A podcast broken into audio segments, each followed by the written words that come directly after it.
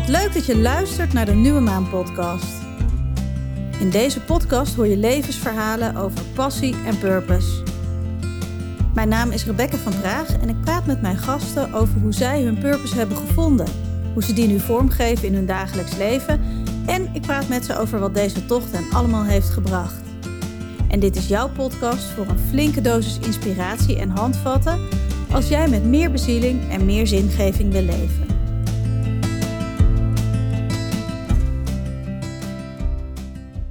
Ik ben uh, te gast uh, bij Esther van Sober in Life, een uh, online platform, zo mag ik het zo noemen, over Zeker. leven zonder alcohol. Ik ga met jou daarover in gesprek. Dus ik ben heel benieuwd. En je vertelde net al even dat het eigenlijk heel erg snel is gegaan, dat, jouw platform. Ja, ja. onwijs, ja. Ja, maar, maar vertel eens, want wie, ja, ik weet nog, nog niet, uh, iedereen kent jou misschien, dus wie, wie ben je? En, uh, Goeie vraag. Ja. ja. Laten we daarmee beginnen. Nou, ik ben Esther, eh, ten over 29 jaar nu. Ik uh, ben nu ruim een jaar helemaal alcoholvrij. Maar eigenlijk is dat begonnen in 2016. Toen, nou ja, ze, hebben het wel eens over rock bottom. Hè. Ik heb rock bottom bereikt, dus de bodem van de put. En nu is het klaar. Nou ja, ik had die bereikt en uh, die is voor iedereen anders. Voor mij was dat op de Gay Pride in Amsterdam, dat ik in paniek raakte en dat ik dacht, die alcohol past gewoon echt niet bij mij, dus ik moet daarmee stoppen. Nou, en toen kwam ik in de wondere wereld van het stoppen met drinken op je 25ste terecht, want dat was nogal wat natuurlijk. Nou ja, uh, een paar keer teruggevallen. Ook al vind ik dat trouwens een heel na woord, terugvallen. Maar goed, uh, dat was onderdeel van mijn proces. Totdat ik uiteindelijk vorig jaar heb kunnen besluiten van ehm, ik stop helemaal omdat ik geen alcohol meer hoef. Ik hoef mm -hmm. niks aan mezelf toe te voegen om, om me goed te voelen of om me fijn te voelen of om met mezelf te zijn. En dat heeft ertoe geleid dat ik dat heel graag aan andere mensen wilde vertellen, eigenlijk. En toen is de account Sober in Life begonnen op Instagram. Dan kwam televisie, dat hielp ook wel.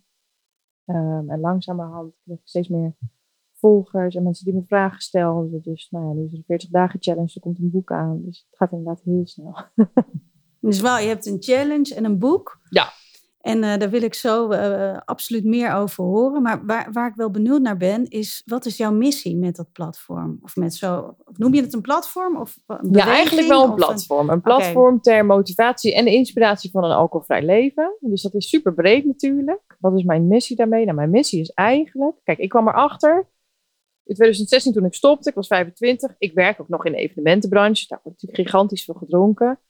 Um, maar ik kwam erachter dat het heel, eigenlijk best wel raar is om niet te drinken. Mm -hmm. Als je in Nederland woont, is het best wel, moet het vaak uitleggen. Ik krijg vaak uh, bijzondere reacties, nog steeds wel. Vaak vragen mensen, ben je zwanger misschien? Zit er een kleine aan te komen? Nou, dat soort gênante vragen vind ik dat gewoon echt. Of uh, je bent direct met de auto. Nou, je moet altijd een, een, een, um, een reden geven waarom je dat glas niet neemt. Dat vond ik zo vreemd op een gegeven moment worden. Ik denk, hoezo is dat eigenlijk zo in onze cultuur? En is dat zo raar om dat helemaal niet te doen? Mensen mm -hmm. zeggen dan ook tegen, ja, maar wanneer begin je dan weer? Of ja, maar je drinkt toch niet helemaal niks? Het is heel raar om helemaal niks te drinken. Dus toen dacht ik, nou, mijn missie wordt, uh, dat heb ik ook op mijn Instagram gelijk gezegd, van uh, ik wil niet drinken minimaal net zo normaal maken als wel drinken. Dus, en daar gewoon allerhande topics aan wijden. En uh, Instagram stories en blogjes en dingen. Om het maar zo, uh, zo makkelijk mogelijk te maken voor mensen om te stoppen of tijdelijk te stoppen. Ja, want jij hebt zelf ervaren dat het al moeilijk is vanuit jezelf, maar dat de omgeving daar ook niet zo supportive in is. Nee, en dan, en kijk, mijn directe omgeving, in mijn geval, ik was gewoon uh, ik ben echt een heks als ik drink. Ik was helemaal niet leuk. Dus mijn naaste omgeving vond dat een uitstekend idee hoor, dat ik, dat ik stopte. Maar als ik op een netwerkborrel was of zo, of ergens op een beurs of iets, dan ja, was dat raar. Dus ik merkte dat heel erg op mijn leeftijd. Maar ik dacht, ja, daar moet iedereen last van hebben. Dus dat was eigenlijk mijn eerste, um, ja, mijn eerste missie eigenlijk. En nu is het bijna mijn missie geworden om, nou, misschien, nou, misschien stiekem iedereen wel ietsje bewuster te maken van wat alcohol eigenlijk is. Maar goed, dan ben je naar onderweg. Oké, want wat is het dan volgens jou? Nou, het is ontzettend giftig. Ja, je krijgt niet voor niks een kater. Um, het is ontzettend ongezond, zeker voor vrouwen. Het is echt, uh, ja, we weten het allemaal wel, maar ook weer niet. De -hmm. gezondheidsrisico's zijn echt enorm. En ik vind het zo, ehm, zo jammer dat er zo weinig over gesproken wordt eigenlijk. En terwijl over roken weten we allemaal super slecht voor je longen en dit. Maar alcohol is echt, ook wel echt een toxische stof. Dus Mhm. Ja, ik doe daar soms wel een beetje mijn best voor om dat een beetje aan het licht te brengen. Ook weer niet te veel. Het is gewoon een heel care onderwerp voor mensen. Als ik een, ehm, ik maak wel eens een video en dan komen er ook echt wel haat en doodswensen onder te staan. Dat heb ik echt wel eens gehad. Of in DM op Instagram, meer op de privéberichten. Dus dan merk je aan dat het bij mensen heel erg beklemmend voelt, zoiets. Maar toch vind ik het wel belangrijk. Ja, want wat, wat, wat is dat dan volgens jou, dat, eh, de positie van alcohol in onze cultuur? Ja, een soort van. Ik, ik heb het eh, boek van ehm, Jacqueline van Lieshout ge- gelezen, Geest uit de fles. En zij omschrijft het als een grote teddybeer die bij iedereen op schoot zit en die daar ook vooral moet blijven. Waar we altijd naar op kunnen terugvallen. Als we gestrest zijn, is die er. Als we troost nodig hebben, is die er. Het is altijd een soort warm deken om ons heen. Terwijl ja, dat klopt wel. Met glas 1 en 2 en 3, maar daarna lang niet meer. En de volgende dag al helemaal niet meer. Want dan heb je alles wat je daarvoor eigenlijk voelde, keer 2 komt dat weer terug. Dus Mhm. het is een beetje een mindfuck. Dat is het, denk ik. Ja, oké, maar dat, dat is wat alcohol met je doet. Maar waarom is het zo beladen als je op je 25ste zegt, ik, ik drink niet? Ja, dat, dat is het boegbeeld wat we hebben gemaakt. Of in de cultuur zit bij ons van alcohol is gezelligheid. En alcohol is ook wel succes. Um, als je kijkt naar de hele dure champagnes bijvoorbeeld. Of de dure cognacs of zo. Het is echt wel succes. Het straalt wat uit. Uh, je hoort erbij als je drinkt. Kijk, als je jong bent al, zeker bij jonge jongens. Uh, dan is het nou, ga maar een keer goed zuipen. Hè? Ga maar een keer goed over je nek. Dan ben je een echte man. Het zit er gewoon ontzettend in frisdrankjes in een wijnglas als je acht bent. Dat is helemaal niet raar. Dan hoor je erbij. Dan hoor je bij de grote mensen. Dat begint heel vroeg, denk ik. Hm. En hoe was dat dan? Um, hoe ben jij dan opgegroeid met alcohol? Of ben je opgegroeid met alcohol? Dat, was dat in jouw gezin ook zo? Dat er, nou bijvoorbeeld, de, ja, ja, ik deed dat zelf ook. Kwam als ja, uh, ja, ja. vieren was. Ja, ik heb het niet ervaren als heel heftig of zo. Ik, ik kwam bij vriendinnetjes op latere leeftijd en er werd ook echt aan tafel tijdens het eten gewoon de, de hele week gewoon ook door de wees gedronken. Nou, dat heb ik niet zo van dichtbij meegemaakt. Maar goed, mijn ouders dronken wel eens een glaasje. Ja, dat was ook wel eens dagelijks misschien. Maar ik heb daar niet zoiets gehad van... Uh, oh, ik kan niet wachten tot ik dat ook mag. Dat heb ik eigenlijk nooit gehad. Het kwam mooi gepast. Het feest begon pas toen ik het een keer zelf had genomen. Hoe oud was je toen? Ja, zou ik zijn, 13 of zo. Oh, dat is wel... Dat is wel pittig vroeg. Ja. ja. ik heb zelf drie kinderen. Oh jee. Van uh, uh, nou, bijna 18, bijna 16 en 11. Dus dan is alcohol best wel een thema. Ja, Met zeker. opgroeiende kinderen. En uh, ik vind dat ook echt van opvoeding een van de allerlastigste dingen. Omdat ik ook zie hoe dat gaat jong. Met, uh, en en dat, de, toen ik 14 was, ging ik naar een soort jeugdsoos. En dan stond uh, Harry achter de bar. En die zei op een gegeven moment, nou heb je genoeg, dan moet je naar huis. Ja. Maar ja, als je met z'n allen in het park zit, met ook sterke drank, vodka in de chocomel, maar eens wat te noemen, of in een fles Ja. cassis, dan, dan is alle, ja, dan is het hek echt van de dam. Dan is alle controle weg. ja. Terwijl je het niet direct wil verbieden. Daar kan ik me ook iets bij voorstellen. Ja, ik denk dat dat geen zin heeft. Nee, precies. Nee. Want dan, dan krijg je een, uh, ja, de verboden vrucht smaakt altijd lekkerder dan. Uh, ja. ja, helemaal dus eens. Ik, ik denk dan als moeder, wat ik belangrijk vind, is erover praten. Dus wat jij nu tegen mij vertelt, van ja, het is vergif. En ik heb het dan vooral ook over de gevolgen dat je eigenlijk niet meer weet wat je doet. Ja.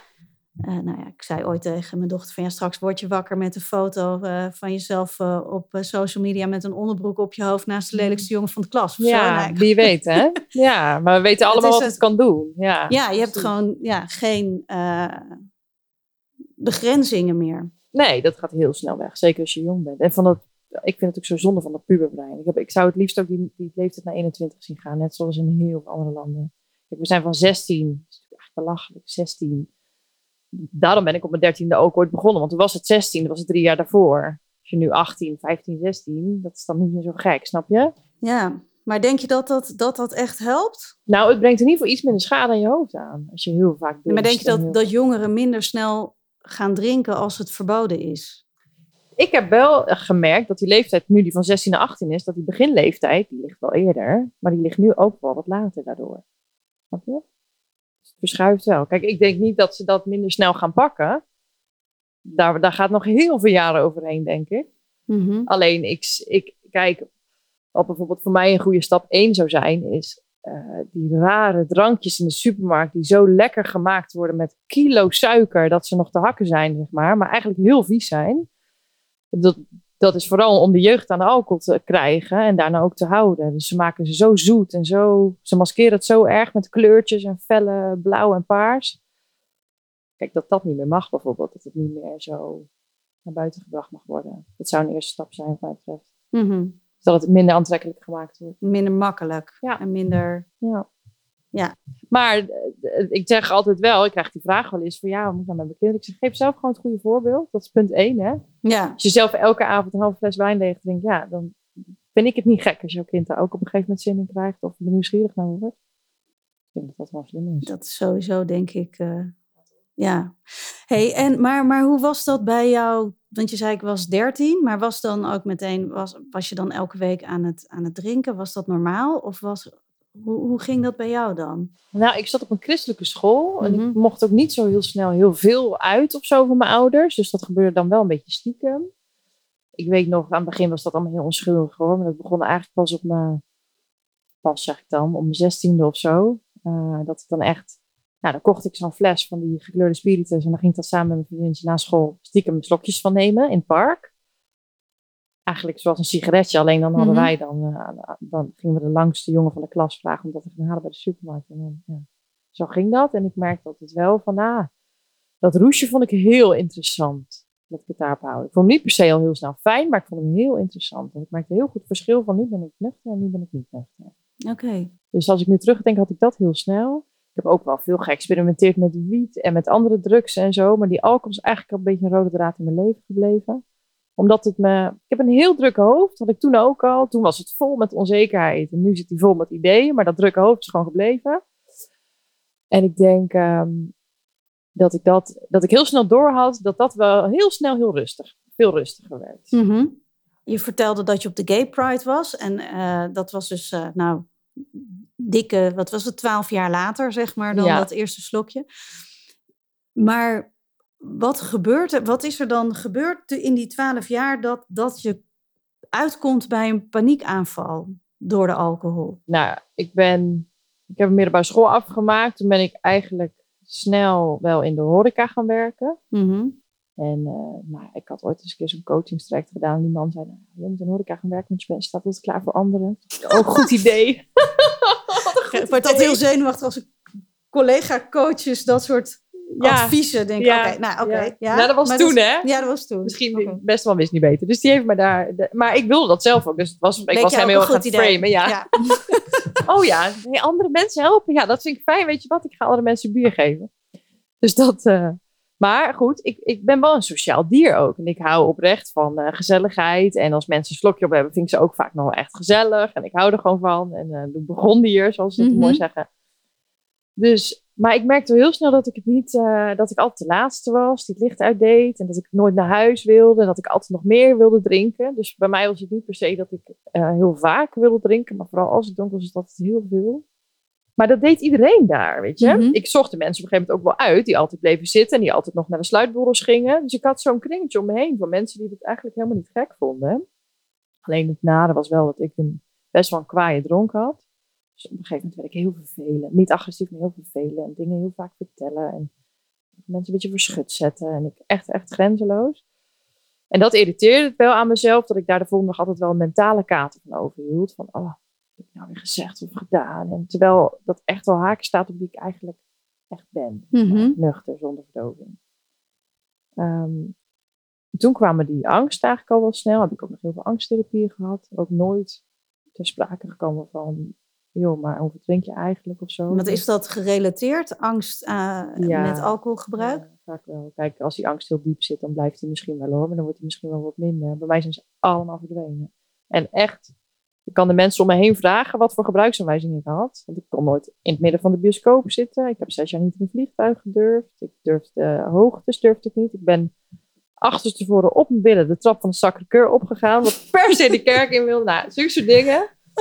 Echt heel bang. En toen, ik was een paar maanden, ik denk een half jaar gestopt met drinken. En ik durfde dat allemaal opeens weer. Dus dat is echt bij mij gerelateerd aan alcohol. Eén op één. Maar heel veel therapieën gehad. Maar ook als ik een kater had bijvoorbeeld ik, was, uh, ik was heel paniekerig. Ik durfde bijna niet meer naar buiten op een gegeven moment. Het was zo heftig dat ik alsof ik in een serie leefde waar iedereen me de hele tijd aan zat te kijken of zo. Een beetje paranoia-achtig. Dat deed een kater met mij op een gegeven moment. Mhm. En vanaf het moment dat ik dat ervaarde, is dat ook nooit meer een gewoon normale kater met een beetje hoofdpijn geweest. Dat is altijd zo heftig gebleven. Dus die paniekaanvallen, die had ik al wel eerder mindere mate gehad. Maar op de Cape ja, ik gewoon, die avond ervoor had ik al veel gedronken. Op de Cape zelf kan je overdag drinken. Nou, feest voor mij. Maar de volgende dag was gewoon helemaal op. Alles, gelukkig stof in mijn lichaam waren weg. En het was alleen maar spanning, spanning. En dat vond ik zo eng, dat die paniekaanval ineens like this kon komen. En toen dacht ik, dit is voor mij het punt om te zeggen, misschien moet ik het wel helemaal niet meer doen. En mijn ouders hadden wel gezegd, misschien moet je helemaal stoppen met drinken. Maar helemaal stoppen met drinken gaat het. Dat was echt geen optie in mijn hoofd. Dat was gewoon echt zo, zo ver van mijn bedshow. Maar die paniekaanvallen, want dat was echt niet de eerste keer, ja, die zorgden er toch wel voor dat ik dacht, ja, misschien moet ik het maar proberen. Want dit is ook niks. Dat Mhm. ik elke keer bang ben om in paniek te raken, overal waar ik ben. Want dat was het op een gegeven moment. Ook als ik geen kaart had, was ik wel bang om die angst nog te krijgen. Ja. Angst voor de angst bijna. Ja, precies. Ja, ja, ja. En, en wat, wat eh, want nou, toen had je zeg maar een soort, jij zei net rock bottom, Ja, het dieptepunt. ja. En toen? Nou, toen, ehm, toen ging ik er vol voor. Want dat was ook, ik ben wel iemand, als die dan iets doet, dan gaat dat wel voor de volle 100%. Dus toen ging ik naar de NA, Narcotics Anonymous. Die zat toevallig daar bij mij in de buurt. En eh, er was ook een vriendin van mijn ouders, die had daar in een gezelschap over. Nou ja, ik ben daarheen gegaan, een jaar lang, denk ik bijna. Heel veel geleerd, heel veel gedaan. ehm, ontzettend veel aan gehad aan het begin. Zeker ook de groep, want ja, ik was 25, ik stopte met drinken. Al mijn vrienden die deden, die gingen vrolijk door waar ze gebleven waren. En die spraken af in hun stamkroeg en ik was daar niet bij. Het was best wel heel eenzaam. Ja. Dus dan is het super fijn als die groep gewoon, nou ja, als je een groep hebt van mensen die ook niet drinken. Dus nou, dat, dat vind ik ook nog steeds heel krachtig aan het concept NAA, die, die groepsbijeenkomsten. Echt top. Maar was jij dan de, ook de enige 25-jarige? Of, eh, of Nee, dat was ook een jonge groep. Het was een jonge groep. Ik denk dat ik bijna nog de oudste was. Het was echt, echt jongeren, op jongeren gericht. Oké. Dus eh, veel zaten er ook voor cannabis, sommigen zaten daar voor game. Het was echt een beetje door elkaar allemaal. Oh ja, dus allerlei soorten verslavingen. soort Emma. Ja. Ja. Ja, ja, Nou ja, maar goed, na een jaar kwam ik er. eh, nou ja, toen dacht ik, ik kan het wel weer. Hop, we gaan weer sociaal drinken. Ik heb het wel geleerd nu. Mijn ziekte tussen aanhalingstekens is voorbij. Ik ben genezen. Hop, ik klim weer op dat paard. Nou met alle gevolgen van. Je moet er zelf heel hard om lachen. Ja, het is zo mooi hoe dat in je hoofd werkt. Ja, dat, dat je dan nu. denkt van, oh, dat kan wel. Ja, van nou, maar ook, nee, niet alleen denkt, er volledig van overtuigd bent. Van ja, maar bij mij is het anders. Bij mij werkt het niet zoals bij jou. Want je hoort natuurlijk altijd van ja, als je dit hebt meegemaakt, dan is de kans wel groot dat je gewoon een patroon in je brein hebt. Dat noemen ze dan de ziekteverslaving. Over het woord ziekte gaan we het niet hebben, maar dat patroon in je brein, dat ehm, is aangemaakt, gaat nooit meer weg. Is een chronisch. Is Maar is dat, heeft niet iedereen dat? Als je maar vaak genoeg drinkt, dan krijg je dat vanzelf Tuurlijk, volgens mij. als jij vaak genoeg ehm, heel hard werkt om je ge- gevoelens die je niet wil voelen, niet te voelen, dan maak je ook zo'n patroon aan. Ja. Dus, maar dat, dat noemen ze dan de ziekteverslaving, maar die heeft mij heel erg in zijn greep gehouden. Maar Ja. goed, daar zal ik zo wat meer over vertellen. Ja, Maar nou ja, sociaal drinken, dat ging ook wel even goed door, een maand of zes. En, eh, maar op een gegeven moment begon ik weer veel meer te drinken. En die, nou, ze noemen het wel eens de wine witch, die kwam echt weer zo De van. wine Ja, zoveel meer, meer, meer. En toen haalde ik niet één fles, maar dan haalde ik al twee. En dan haalde ik niet twee flessen, maar dan had ik twee en een sixpack bier. En dat ging steeds. voor jezelf. Nee, dan samen met mijn vriend of met Oh, ja. mensen. Maar dan wist ik in ieder geval, mijn basissupply werd steeds meer. En op het moment dat je dat ook in de gaten hebt. Eh, En werd je is- dan ook zenuwachtig als er geen drank was in huis? Zenuwachtig is misschien het verkeerde Nou, woord. Een beetje, ehm, een beetje gespannen of zo wel, ja. Een beetje je, zo je wist het in ieder geval. Ja, het wel door, ja. Ja. En, maar ik dronk niet elke dag. Het was drie keer in de week of zo. En eigenlijk voornamelijk alleen maar in het weekend. Maar dat was mijn patroon. Ja, want dat is wel, nou, het beeld natuurlijk wat veel mensen hebben van een alcoholist eh, is iemand die ligt onder de brug en kan eigenlijk niks meer. Eh, Ja, wat ik heel jammer vind. Want ja, dat hele woord alcoholist. Ja, dat is ook maar een bijzonder woord. Maar dat hebben ze. Dat heb je alleen met alcohol, maar daar heb je gelijk. Tenminste, ik heb er ook nog steeds een associatie bij van iemand die met een lege vodkafles onder de brug ligt ergens. Ja. Ja. Terwijl, maar hoe zou, hoe zou jij dat willen noemen dan? Wat is jouw woord hiervoor? Ik zou zeggen, kijk, wat we allemaal doen, denk ik, als we te veel van iets nemen wat niet zo goed voor ons is, en dat we dat weten, maar er moeilijk mee kunnen stoppen, dan denk ik dat dat een vorm van zelfmedicatie is. Dus dat je iets wil wegmaken wat er is en dat met alcohol oplost. Mhm. Dus dan heb ik het liever daarover. Over zelfmedicatie of over een kopingsmechanisme. Dan, ja, een kopingsmechanisme. Ja. ja. dan dat je echt een alcoholist bent. Want, wanneer ben je dat dan? Weet je wel? Ik, nou, volgens mij wanneer je, ja, wanneer je niet zonder kan. Ja, ik weet het niet. Kijk, ik heb net, het was wel grappig, want ik was, ik, nou, ik zei net al, ik was hiervoor bij mijn moeder aan het eten. En, en haar familie is wel een grote familie, maar ik kwam al op vijf mensen die bij de AA zitten. Zo, Zo. nou, dat is nou, dus veel. Is, ja, dus het is iets, denk ik, ook tenminste, dat heeft wel zijn tand voor mij uitgelegd, dat het ook echt iets genetisch is in het brein, dat de plek waar je voldoening voelt, niet zo snel uh, die seintjes krijgt. Dus dat, en of de, nou ja, ik kan het niet precies uitleggen, maar uh, dus dat het heel, ja, dat in verhouding je heel makkelijk over je grenzen gaat daarin. Ja, het heeft met je beloningssysteem te maken. Ja, ja klopt.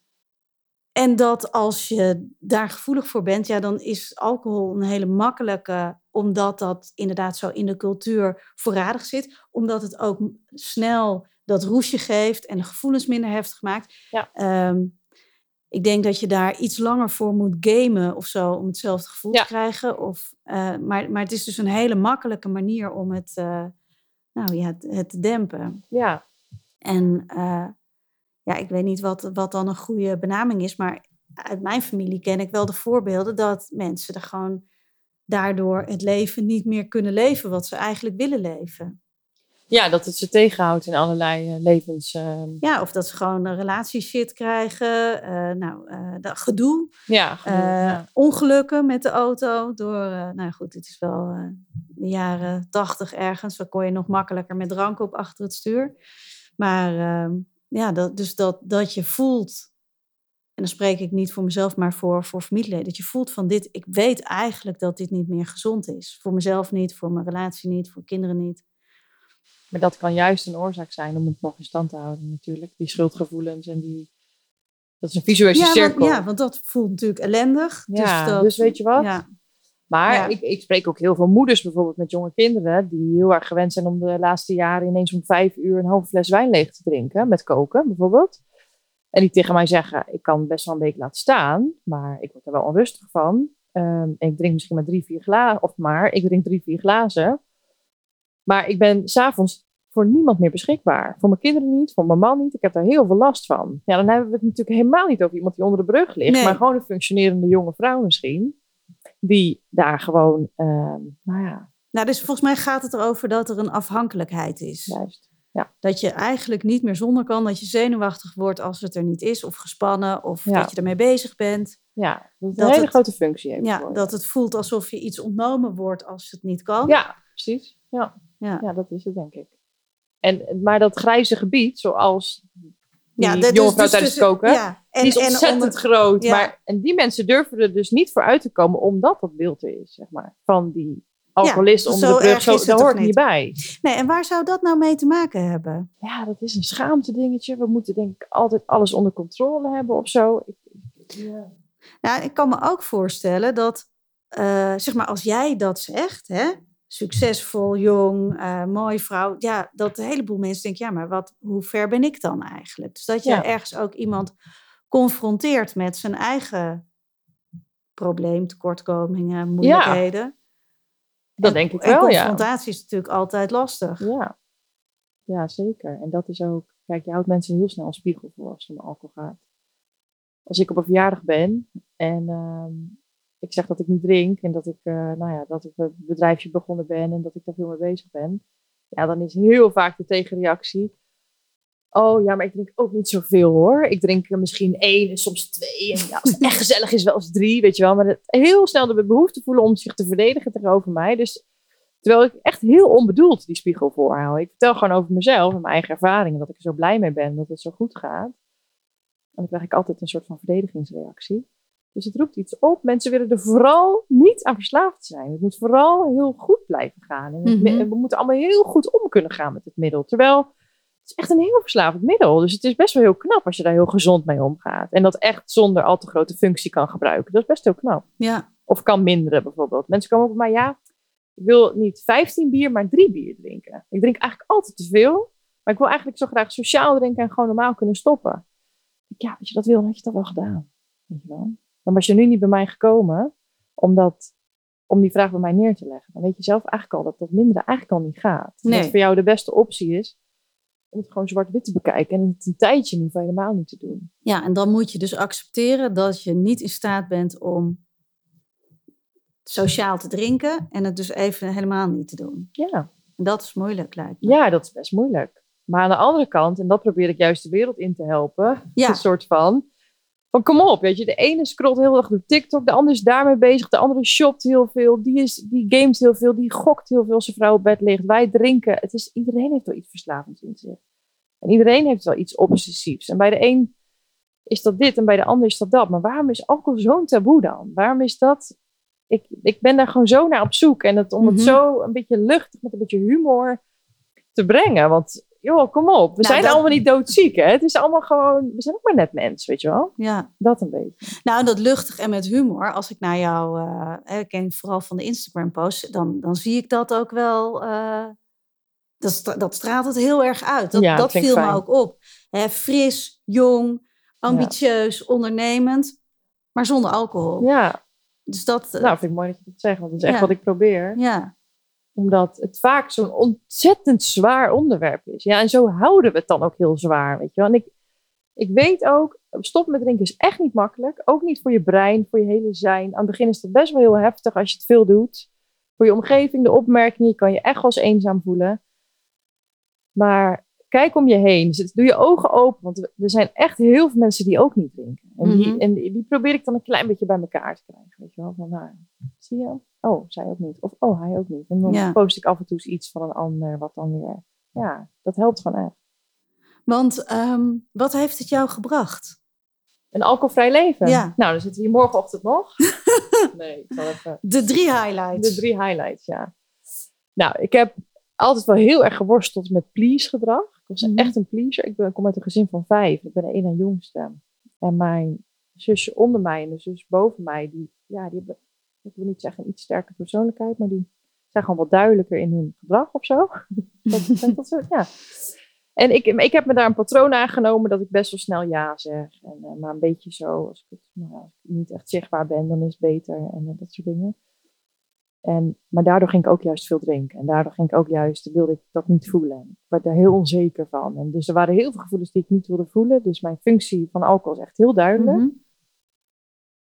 En dat dat er niet meer is, dus dat ik mezelf echt absoluut op nummer 1 ben gaan zetten. Maar ook zeg maar geen concessies. Mijn vriend niet, mijn katten niet, niks meer komt erbij. Ik sta op één en ik moet mezelf tot de rest van mijn leven nog. En ik ben het zo ontzettend waard om me dit cadeau te geven. Dit alcoholvrije leven. Want dat doe ik echt onwijs voor mezelf. Omdat ik zelf me daar veel gelukkiger eh, door voel. Dat hele gevoel, ja, dat, heb, dat kende ik echt niet. Tot eh, twee jaar geleden of zo. Dus dat is denk ik echt het eerste. Ja. Ja, en, en wat je dan nu zegt, dat triggert mij wel. Want dan gaat het om enerzijds de, de alcohol laten staan, de fles laten staan. Maar anderzijds ook om eigenlijk je hele zelfbeeld te veranderen. Waardoor ik eigenlijk dronk. Dus eigenlijk de oorzaak aanpakken Ja. van waarom was dat er in mijn leven. En daardoor het nu ook echt niet meer te hoeven. Ik heb heel lang geworsteld met, ah, zij drinkt wel en ik mag dat niet. Dat heb ik echt heel lang gehad, nou heel lang, 3,5 jaar of zo. Dat was ik op Curaçao op vakantie. Zag ik al die cocktails en dacht ik, oh, hun wel en ik niet. En dan werd ik gewoon bijna agressief van. Ik kan mijn vriend ook nog wel vertellen, dat ik echt huilend in mijn bed daar lag. Maar dat heb ik heel veel gehad in die jaren. Maar ik zette mijn, mijn gevoelens waren altijd ondergeschikt, als, uh, altijd, ondergeschikt aan de gevoelens van een ander. Dat was zo duidelijk bij mij. Ik had zoveel zelfmedelijden. En wat heb, Dat- je dan ge- wat heb je dan gedaan? Of hoe is het gekomen dat je daar een omslag in hebt kunnen maken? Nou, het was een beetje alles of niets, zoals wel meer in mijn leven alles of niets is. Ehm, dus of ik ga nu op zoek naar een duurzame manier om te stoppen, helemaal te stoppen met drinken. Ook niet meer willen minderen, gewoon oké zijn met het feit dat ik dat niet meer doe. Of ik ga gewoon weer beginnen. Dus één van de twee. En ik merkte dat eh, mij is altijd verteld van eh, je bent ziek, je hebt een ziekteverslaving, daar kom je nooit meer van af. Ehm, die heb je voor de rest van je leven, chronische hersenziekte, nou noem maar op. En het beste, het meest haalbare is gewoon niet meer drinken. Weet je wel, dat was dan, nou, en dat symptoombestrijding. Van dan halen we dat weg en dan is het goed. En dat heeft mij zo in een soort gevangenis gehouden van ja, als je continu dat verteld wordt, ja, dan geloof je ook wel dat je ziek bent. En dan mhm. geloof je wel dat je misschien wat minder bent dan de rest. En dan geloof je ook wel dat je iets hebt waar je nooit vanaf komt. Dus ja, waarom zou ik er iets aan doen? Weet je, dat gevoel was bij mij heel duidelijk. En toen ging ik op een gegeven moment wat post podcast luisteren en wat boeken gelezen van Jan Geurts. Dus Verslaving voorbij staan hele mooie in.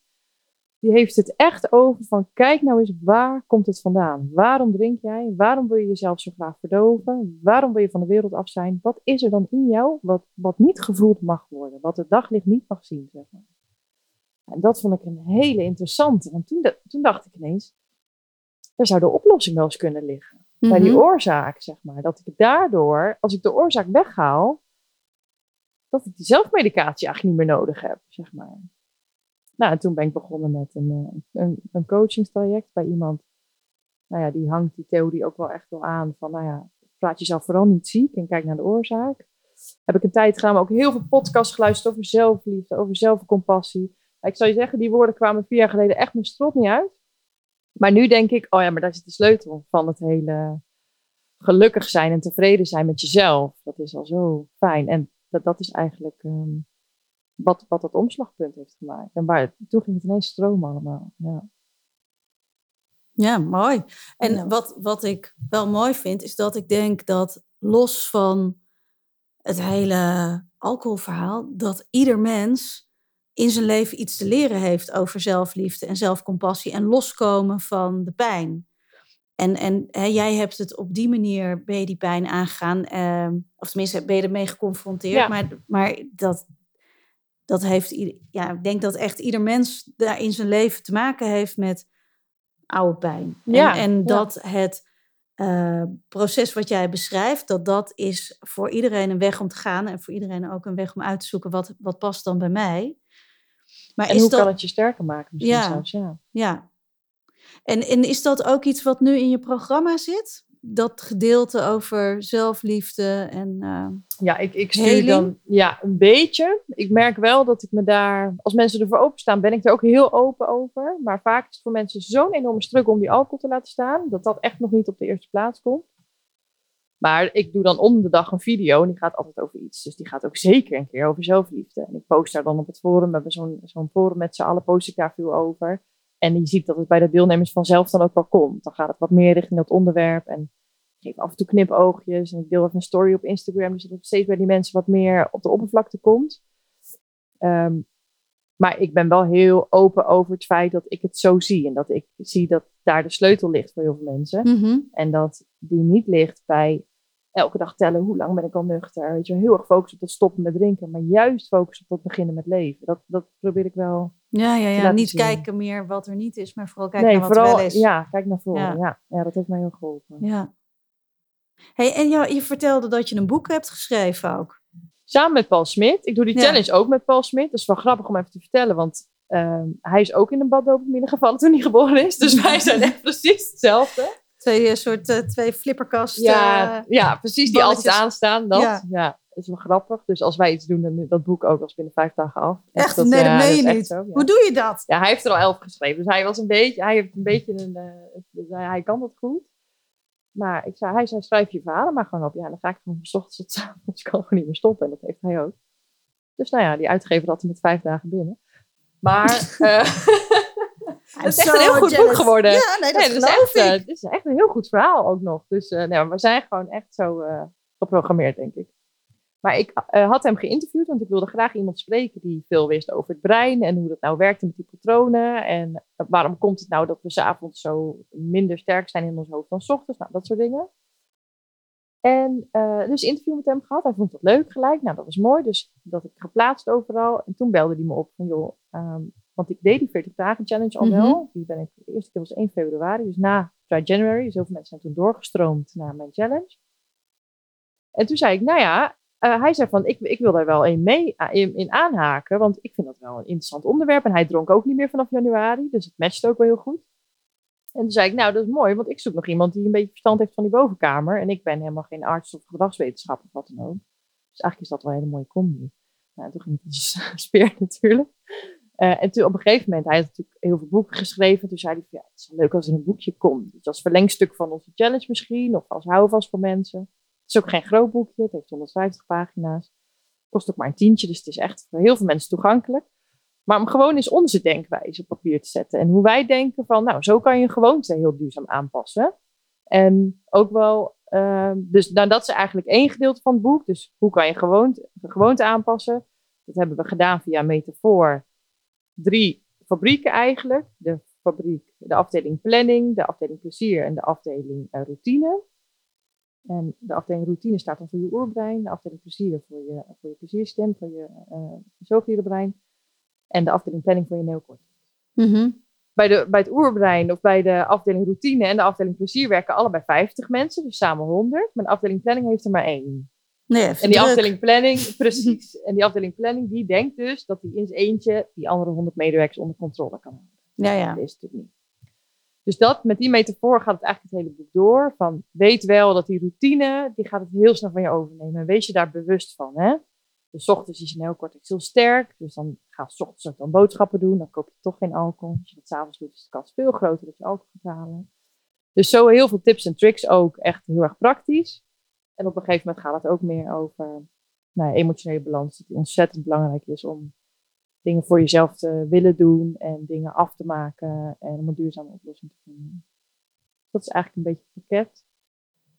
En, en die 40 dagen challenge, dan ga je, uh, dat is online. Ja. En dan ben je wel in een groep. Ja. En dan, dan krijg je dus allemaal support en tips om dat vol te houden, die eerste 40 dagen. Ja, ja en ook bewust wel 40 dagen, want uh, een maand is net een beetje te kort. Als je een nieuwe routine aanleert, dan moet je wel een beetje richting die 40 dagen je dat een klein beetje een goede basis gelegd hebben. Maar ook weer niet te lang. Dan zegt je brein, ja, doe je, ga ik niet doen. Nee, Als je zegt, honderd dagen een jaar niet drinken, dan denk je al meteen van, ja. Ja, bijvoorbeeld. En kerst dan? Kerst dan, ja. Of dat weekend ja. weg over, uh, zo. Dus dat is veel te lang. 100 dagen geen alcohol, dan zegt je brein, uh, uh, ga niet meedoen. Maar 40 dagen wel, ja. En dan verlengen ze wel. Nu merk je ook alweer, op de helft van de challenge is het van, uh, ik weet niet of ik hier namelijk wel ga drinken hoor. En ik wil eigenlijk wel 90 van maken. Dan is die stap naar die volgende 40 of 50 dagen veel kleiner. Ja. Dus dat is bewust. Ja. En wat, uh, want je zei ook van, je had het over het 12-stappenplan bij de AA. Dat, is dat, wat is hier anders aan? Nou, dit is een stuk laagdrempeliger. Ik denk ook niet dat dit geschikt is wat wij doen voor de zwaar verslaafden. Die, die verwijs ik ook nog steeds wel eens door naar een huisarts. Gewoon doen, want die hebben medische kennis. Um, maar dit kan een hele fijne opstap zijn om, denk hoor, ik kan niet de motivatie voor je creëren, dat kan Paul ook niet, maar we kunnen wel ernstig versterken, denk ik. We kunnen niet de intentie om te stoppen creëren bij, maar we kunnen hem wel echt groter maken. Mhm. Dus dat is wel iets wat we met, hiermee doen. Ik kijk in die challenge, uh, of die twaalf stappen, die kijkt heel erg naar, naar vroeger, hoe het was. Dus heel erg erkennen dat je verslaafd bent. Schadebrieven schrijven naar de familieleden, die je allemaal, die je allemaal heel veel pijn hebt gedaan. Maar wat ik net al zei, het is geschreven ooit voor, nou ja, voor zwaarverslaafde mensen. Terwijl nu, we hebben een heel grijs gebied van mensen die ja, zich daar niet aan kunnen relaten. Meer. Nee, precies. Dus dit is uh, veel meer de vrouw waar je het net over had, die gewoon voor het eten even drie, uh, drie Chardonnay achterover tikt. Ja. En dan eigenlijk een beetje teut nog uh, de... De kids naar boven brengt. Ja, ja de macaroni staat nou. te roeren. En dat een gewoonte is die zo hardnekkig in dat brein verankerd zit, maar die je wel door bepaalde tips en tricks, uh, zoals wij noemen ook de als-dan-methode bijvoorbeeld. Dus maak gewoon een nieuw patroon sterker. Dus dat oude patroon, dat gaat niet weg, dat klopt. Mhm. Dat is ook dan de ziekteverslaving waar ik het net over had. Dat oude patroon blijft, maar maak een nieuw patroon sterker. Ik had het laatst een metafoor voor gevonden. Als je een snelweg hebt die je altijd neemt, Ja. de A1, nou, daar rij je overheen, is helemaal goed geasfalteerd, gaat lekker. Ja, dat gaat ook op de automatische piloot. Op de automatische piloot, weet je, Ja. doe je met je ogen dicht. Maar er zijn nog wel meer wegen, maar die pak je niet. Die zijn misschien iets hobbeliger of iets moeilijker. Maar als je die vaker gaat nemen, worden die ook wel glad, weet je wel. En dan op die grote A1, daar groeit dan wel een bos en een paar struiken. En dan kom je er moeilijker doorheen. Dus op die manier kan je natuurlijk wel andere Ja. patronen aanleren. Je moet heel consequent doen. Dus als ik een glas wijn, of de- als je altijd om vijf uur drinkt, bijvoorbeeld, waar we het net over hadden. Als ik zin heb in een glas wijn, pak ik een glas verse munt in. En dat gewoon altijd doet, 30, 40 dagen lang. Nou, zet het in je oerbrein. En daar gaat het niet uit. Hm. Het klinkt heel simpel nu, hè? Het is best moeilijk hoor. Maar... ja, ik ken het niet zo met alcohol, maar ik ken het absoluut met gezond eten, meer sporten. Bijvoorbeeld. Uh, de, de wens om 's ochtends te mediteren. Nou joh. Dat, dat allemaal dus het, uh, op tijd naar bed. Want ik heb, dat is wel leuk, want ik heb ook in de aanloop naar dit gesprek, heb ik ook echt zitten denken van ja, wat is, waar, waar ben ik dan gevoelig voor? Mhm. Nou, ik ben echt gevoelig voor uh, veel te lang Netflixen.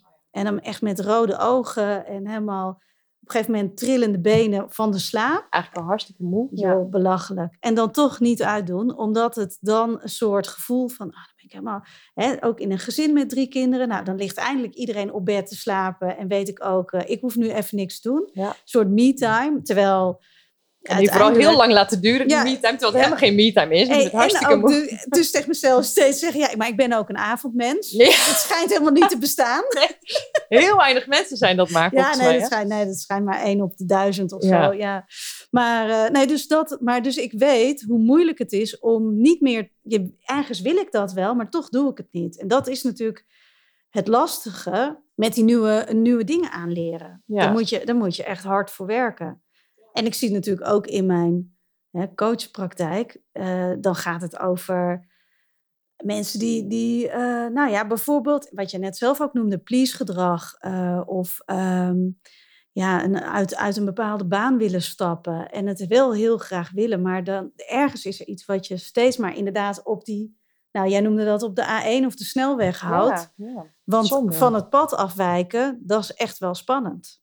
Dat is En spannend, maar ook je brein zegt ja, maar Ja. dat doen we altijd zo. Waarom moet je dat veranderen? Dus Ja. het is heel natuurlijk dat dat weerstand biedt. Ja, omdat wat je kent, ook al is dat nog zo slecht, is toch altijd nog minder eng dan wat je niet kent. Nou, je brein kiest altijd de weg van de minste weerstand. Dus Ja. wat het dan ook is, goed en slecht maakt er geen onderscheid in, helaas. Want anders hadden we dit allemaal niet gehad natuurlijk. Nee.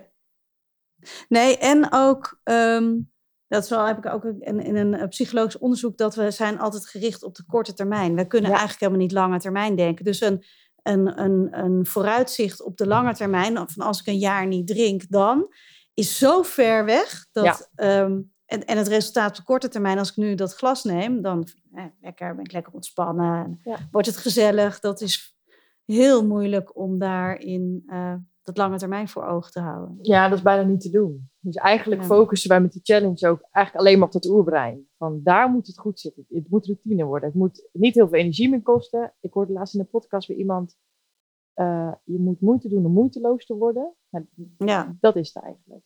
En inderdaad, dat korte termijn, die 1%-regel staat ook mooi beschreven in ons boek.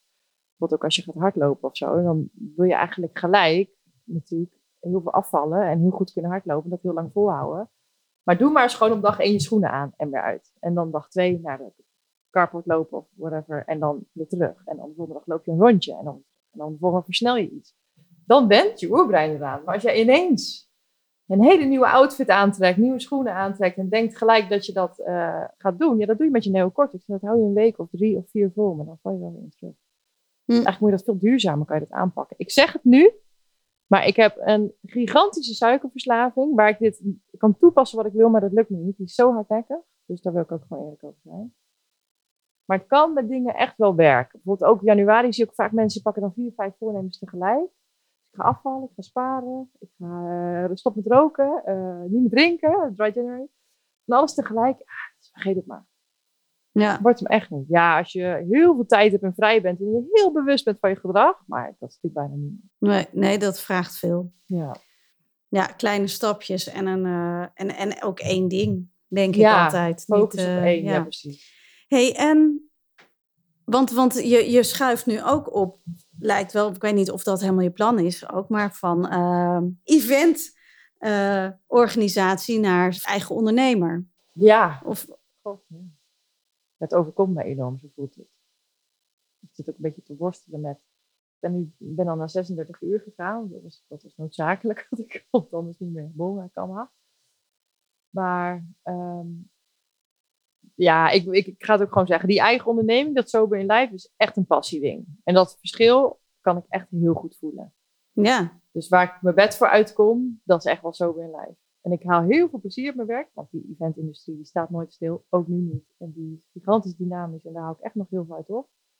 Alleen dat sober in life keeps me going. En dat, uh, dat zorgt ervoor dat ik om half zes ochtends mijn ogen open doe, ja. En ik vind die balans soms wel lastig te zoeken.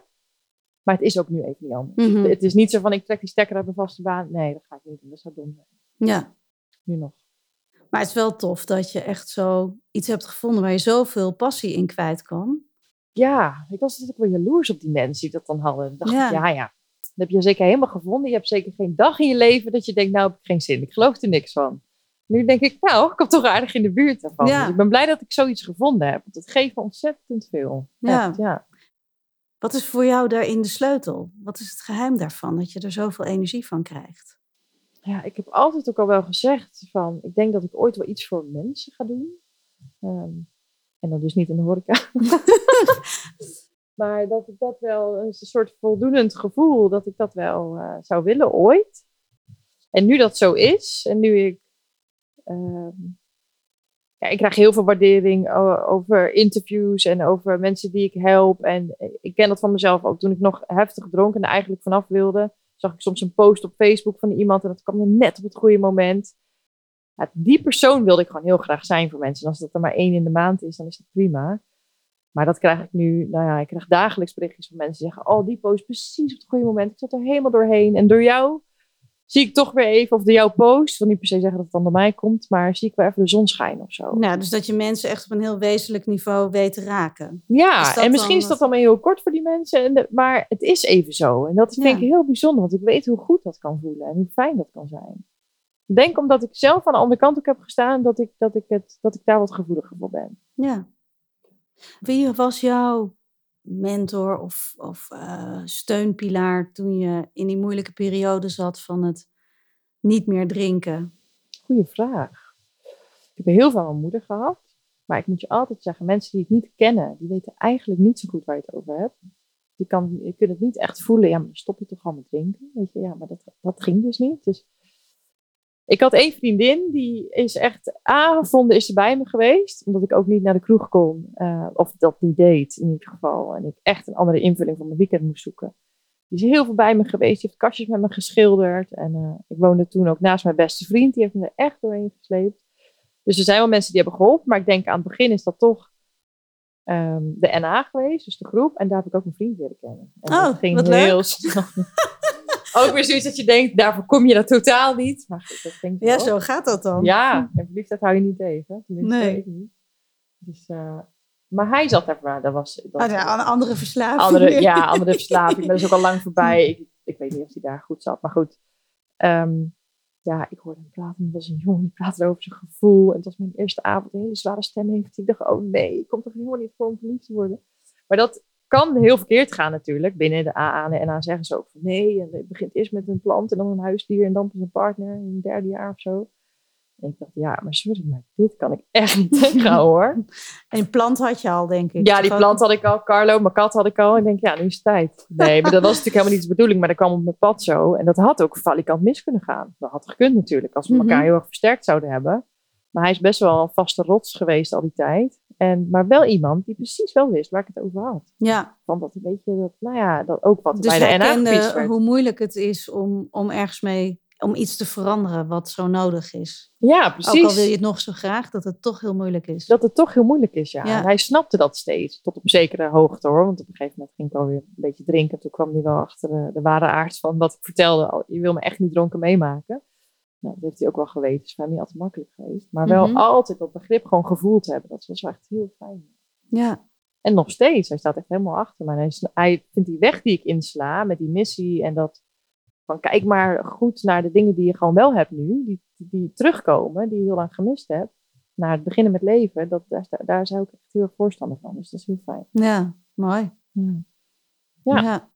Ja, want wat je net zei, dat, dat nou ja, raakte me ook wel dat ik dacht, oh ja, dat moet.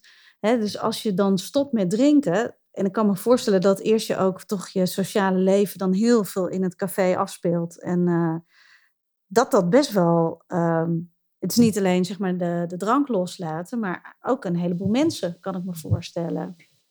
Ja, Of maar ja, dat, dat mee? dat is aan het begin is dat zeker zo. En dat, en dat waren ook echt tussen aanhalingstekens vrienden van je. Mhm. Eh, die mensen zag je gewoon elke vrijdag. Nou, heel lang. Van een uur of zes tot eh, één uur s'nachts of zo. En dan vaak op zaterdag weer. Ik zat ook vaak in hetzelfde café. Maar mijn allerbeste vrienden zijn gebleven. En dat merk je ook. Dan weet je ook wel gelijk aan wie je wat hebt. Maar heel veel losse vlodders, ja, die verdwijnen dan direct. Dan ging ik nog wel eens daarbij zitten hoor, met mijn spaar rood. En dan dacht ik, waar hebben ze het over? Alweer dat verhaal. Dat ken ik echt wel, zo heb ik al zo vaak gehoord. Dus dan zit je ook helemaal niet op dezelfde planeet. Nee. Nee, totaal niet. Het gaat heel snel. Als je met mensen bent die drinken, die, die flink drinken, dan is dat met een uur of anderhalf uur gepiept. En dan uh, vind ik het niet meer leuk. Dus dat had ik wel snel. Maar toen ik afscheid nam van die mensen, was het eigenlijk gemis ook niet super groot. Hm. Maar het is wel. Het is soms maar heb je dat bewust gedaan? Afstand genomen en afscheid genomen? Ja, ik denk, ik moet hier niet gaan zitten. Ja, dat was gewoon bijna niet te doen aan het begin. Dat ik in het café zat en als enige aan de spaarrood zat. En iedereen die zo fladderde naar Jupiter en Saturnus. En ik bleef nog op die suffe aarde. Zo, was het toen voor mij. Ik denk, dat moet ik echt niet opzoeken. Hm. Dus dat heb ik ook echt wel losgelaten. En ook wel ja, bepaalde dingen. Ja, ik ben wel iemand die. Sommige mensen die, eh, die stoppen met drinken, die stoppen ook echt met heel veel activiteiten. Maar ik ben wel best wel veel dingen gewoon blijven doen, die ik, die ik nuchter gewoon ook heel leuk vind. Want ik weet niet, ging je wel eens naar een festival of een. Uh... En, en is dat dan, vind je dat nu ook nog leuk? Ja, nu is het natuurlijk een beetje raar in coronatijd dat het niet. Uh, maar... Ja, ik ben gewoon eerder klaar mee. Dus ja. gewoon eerder, ik moet of in de buurt kunnen slapen of zelf rijden, dan kan ik gewoon naar huis. Als ik dat heb, dan heb ik er best wel zin in, ja. Dan kan ik echt wel genieten van muziek en opgaan in de muziek. Uh, zonder dat ik de hele tijd aan de bar sta. Want ik ben een paar keer bij de Vrienden van Amsterdam geweest bijvoorbeeld. Nou, noem je ook evenement, maar...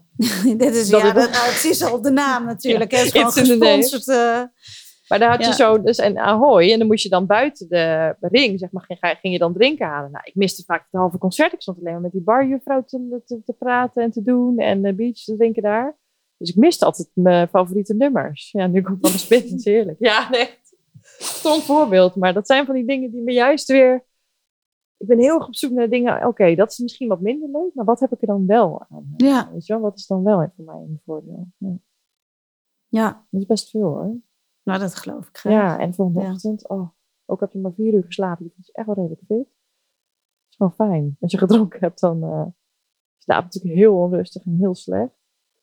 Dus er zijn genoeg dingen te noemen. Maar goed, ik had laatst met Giel gesprek, Giel Beden, die vroeg ook, mis je dan niks van een roesje of zo? Ja, ik was gehad, maar ja, als dat alles is, denk ik dan. Nee, niet echt. Ja, want wat kost je het roesje? Ja. En dat roesje is maar zo korte termijn ook weer. Het is zo kort. Ja. Als ik ga hardlopen, kan ik hem ook wel halen hoor. Dan zit ik echt op een soort LSD-tripje bijna hoor. Als ik echt goed ga hardlopen. Oké. ja. echt wel een runners high. Vind ik wel een beetje hetzelfde. Maar het is gewoon een kwestie van je even niet bewust zijn van jezelf. En dat kun je denk ik op heel veel manieren vanzelf doen. Meditatie. ja, ik moet zeggen dat ik nog nooit die runners high heb gehad. En ook nooit zo wat je dan in, uh, ik weet eigenlijk niet hoe dat heet, volgens mij heet dat Kundalini-energie of zo. Dat is een soort, een soort slang langs je ruggengraat omhoog uh, schiet. Oh, dat je, ja, nou ja, volgens mij. Dat uh, heb ik uit dat eten, bidden en beminnen. Volgens mij oh, moet je dan echt drie weken op een kussen gaan zitten. Ja, maar, precies. God, ja. ja, nee, dus ehm, nou, misschien moet ik nog iets langer door mediteren en iets langer hardlopen. Geen idee. Ja. Maar ik denk ook wel dat je niet iedereen is er even gevoelig voor hoor. Ik heb het ook heel snel door muziek dat ik bijna in trance ben. Ik heb dat wel sneller. Dus dat kan wel uh, per persoon verschillend zijn, volgens mij. Ja, dat geloof ik ook wel zeker. Ja, ik heb, ik heb zelf, ik, ik heb, ben gewoon snel overweldigd door dingen. Oh, ja. Dus dan, ik heb niet zoveel nodig om meteen te denken. Om, ja, precies. nou, dus dat, is mooi. Uh, ja, dat is misschien ook een reden waarom ik altijd een beetje afstand heb gehouden van uh, veel drugs. Want ik ja. gedacht van, nou, als ik dat doe, dan uh, ja, ben, ik, uh, dan ben ik niet naar Pluto, maar dan ben ik, ben ik vaak beland. Ja, dan schiet je helemaal naar, ja. weet ik veel Hey, is er nog iets wat je, wat je graag nog zou willen meegeven? Aan uh, mensen die deze podcast luisteren? Ja, nou ja, de mensen die deze podcast luisteren, die willen stoppen met alcohol of ze al zijn gestopt met alcohol. Daar wil ik echt nog tegen benadrukken van, um, je gelooft het nog niet meteen, maar je geeft jezelf het allergrootste cadeau wat je jezelf kan geven. Als je graag wil stoppen met drinken en, het, en alcohol kost je heel veel, dan is het een onwijs groot cadeau aan jezelf. Dus doe het niet voor een ander, doe het niet voor de buurvrouw of je partner of whatever, je baas, voor niemand. Echt voor jezelf doen en in je eigen kracht gaan staan, die touwtjes zelf in de handen nemen, want je heeft alcohol gewoon heel lang gehad. Heeft bij mij ook heel lang gehad. Ik denk dat is niet ik die spreek, maar het is dat glas wat dat doet. Maar ik wil dat doen. Dus heel erg in je eigen kracht gaan staan helpt enorm. En um, ja, laten we de wereld gewoon een beetje leuker maken, alcoholvrij. Dat is hem. Nou, mooi. Dankjewel. Graag gedaan. Bedankt dat je me uitgenodigd hebt. Ja, nou bedankt dat ik hier mocht komen.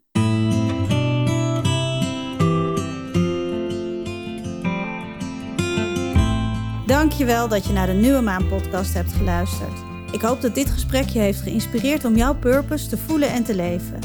Wanneer jij weet waar het jou echt om gaat en jij je hart volgt, ervaar je meer betekenis en meer geluk in je leven. Daar ben ik van overtuigd.